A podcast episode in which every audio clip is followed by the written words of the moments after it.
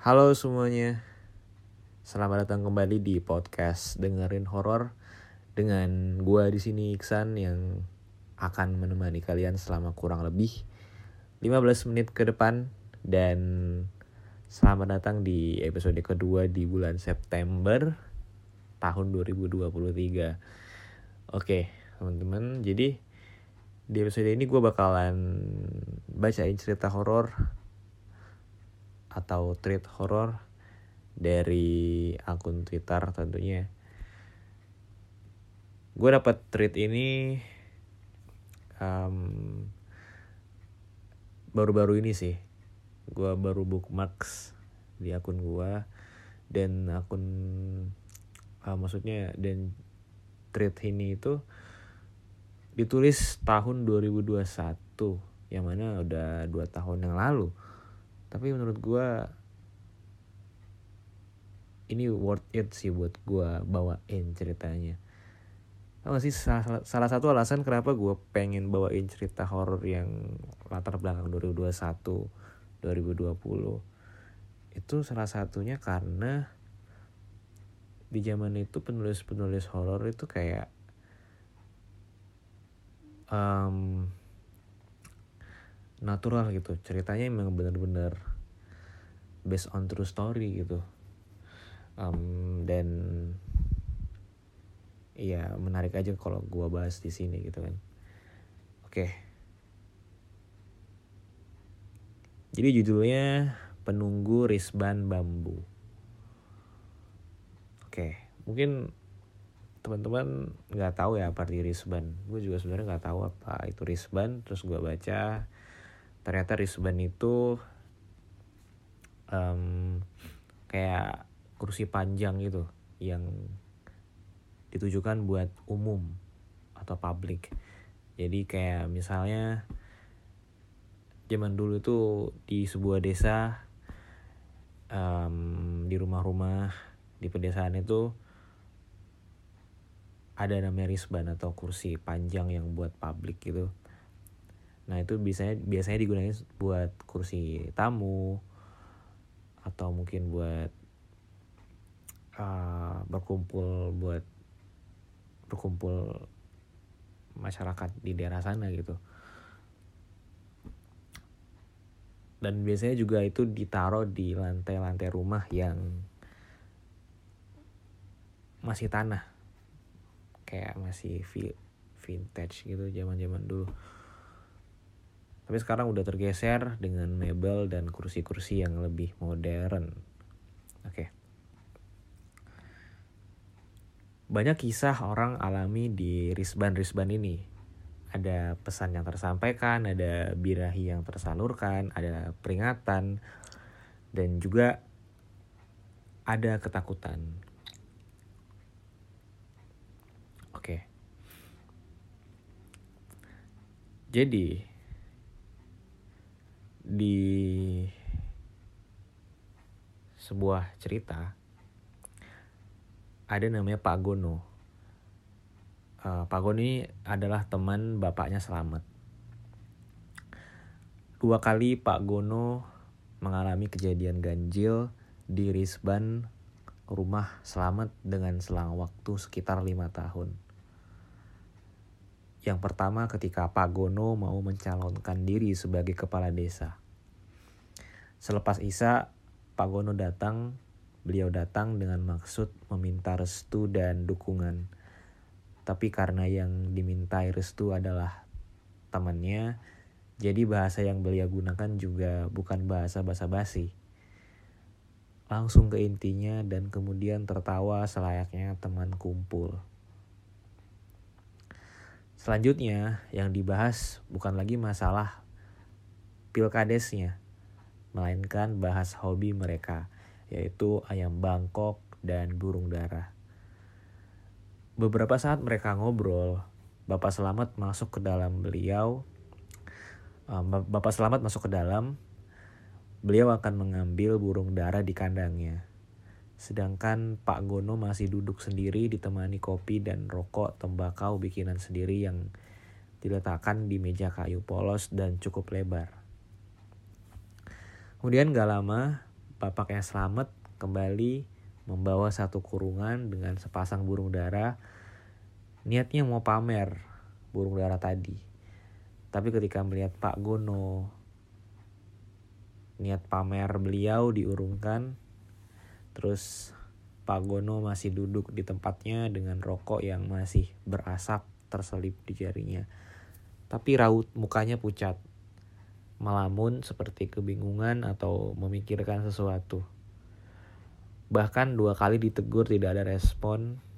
Bapaknya selamat menghampiri duduk di sampingnya dan memegang pundaknya.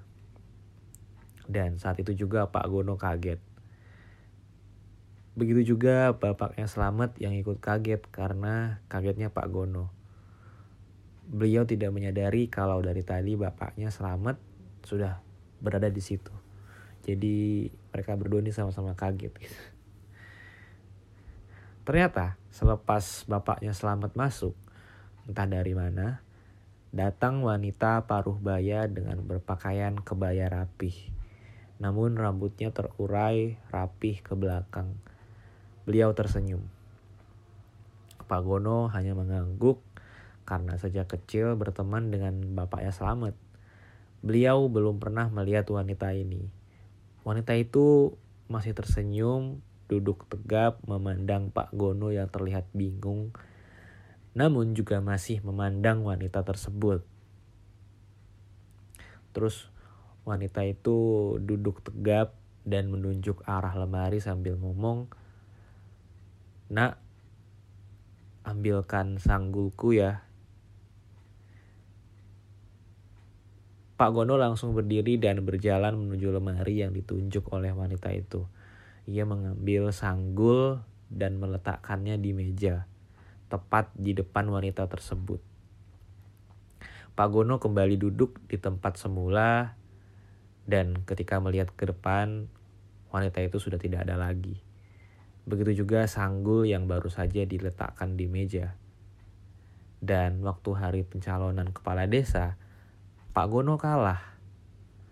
Tapi apa hubungannya? Mungkin kejadian lima tahun setelah itu bisa menjelaskan apa hubungannya atau ada apa sebenarnya. Karena lima tahun setelah itu Pak Gono mengalami lagi di tempat yang sama, tapi bukan dengan wanita tersebut, dan yang diperlihatkan juga lebih menakutkan. Walaupun Pak Gono sering bertandang ke rumah itu, namun dia tidak pernah mengalami hal aneh. Entah kenapa walaupun siangnya Pak Gono sudah ke rumah itu, tapi malam harinya beliau merasa harus berkunjung lagi. Pak Gono belum kapok, ia kembali mencalonkan diri sebagai kepala desa setelah lurah sebelumnya tidak lagi menjabat entah karena apa.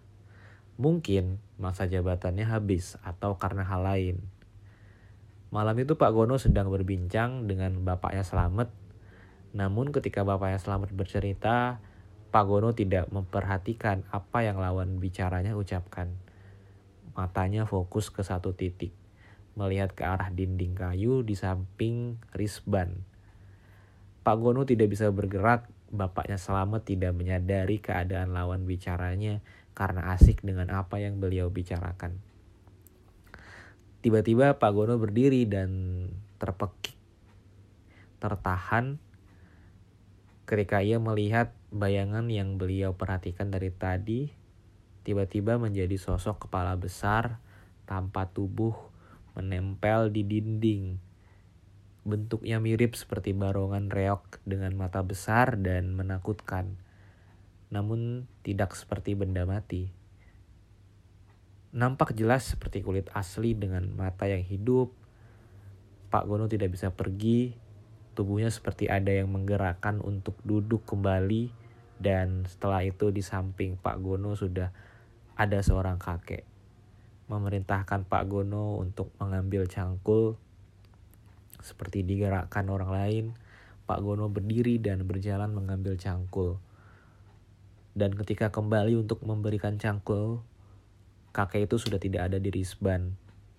Dan anehnya, Pak Gono terpilih sebagai kepala desa. Pak Gono baru tahu setelah buyutnya selamat mengatakan kalau itu pertanda. Yang pertama sanggul. Sanggul bukanlah perlambang atau pertanda laki-laki. Jadi waktu itu sebenarnya Pak Gono sudah diberi tanda kalau beliau tidak akan terpilih. Dan yang kedua cangkul. Yang mana itu adalah perlambang atau pertanda pekerjaan untuk laki-laki. Oh jadi kalau sanggul itu kan kayak buat perempuan ya. Jadi tandanya kalau misalnya si Pak Gono ini nggak nggak terpilih dan pas ke pemilihan kedua kalinya atau lima tahun setelahnya dia dikasih tanda kalau dia disuruh bawa cangkul dan ya cangkul tadi adalah pekerjaan laki-laki gitu kan. Nah selanjutnya masih di tempat yang sama tapi dialami oleh seorang anak yang tinggal atau ditinggal merantau keluar pulau oleh kedua orang tuanya. Ketika Selamat sudah besar, rumah Selamat ini adalah tempat kumpulnya anak-anak. Bahkan sudah mereka anggap sebagai rumahnya sendiri. Bahkan ada temannya dari luar desa yang nginep di situ. Rata-rata mereka pulang hanya untuk ganti seragam sekolah dan akan pulang sekolah ke rumah Selamat. Ada juga anak sudah tidak sekolah mereka makan tidur di sana, bahkan membantu pekerjaan orang tua selamat dengan sukarela tanpa dibayar. Bahkan mereka dianggap sebagai hiburan. Pagi-pagi sudah ada yang rebus air dan menyeduh kopi untuk semua yang ada di situ. Dan ada juga yang ke sawah dan lain-lain. Salah satu dari mereka ada yang ada yang masih SMA. Malam itu dia datang paling akhir. Melihat teman-temannya sudah tidur, ia berniat ikut tidur.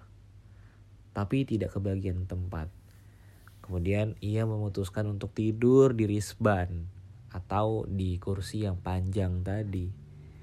Dan ketika ia berbaring, tiba-tiba tubuhnya kaku dengan posisi terlentang dan tangannya bersedekap di perutnya. Ia berusaha bangun tapi tubuhnya tetap tidak bisa bergerak. Ia mencoba teriak tapi tenggorokannya sakit dan tidak mengeluarkan suara.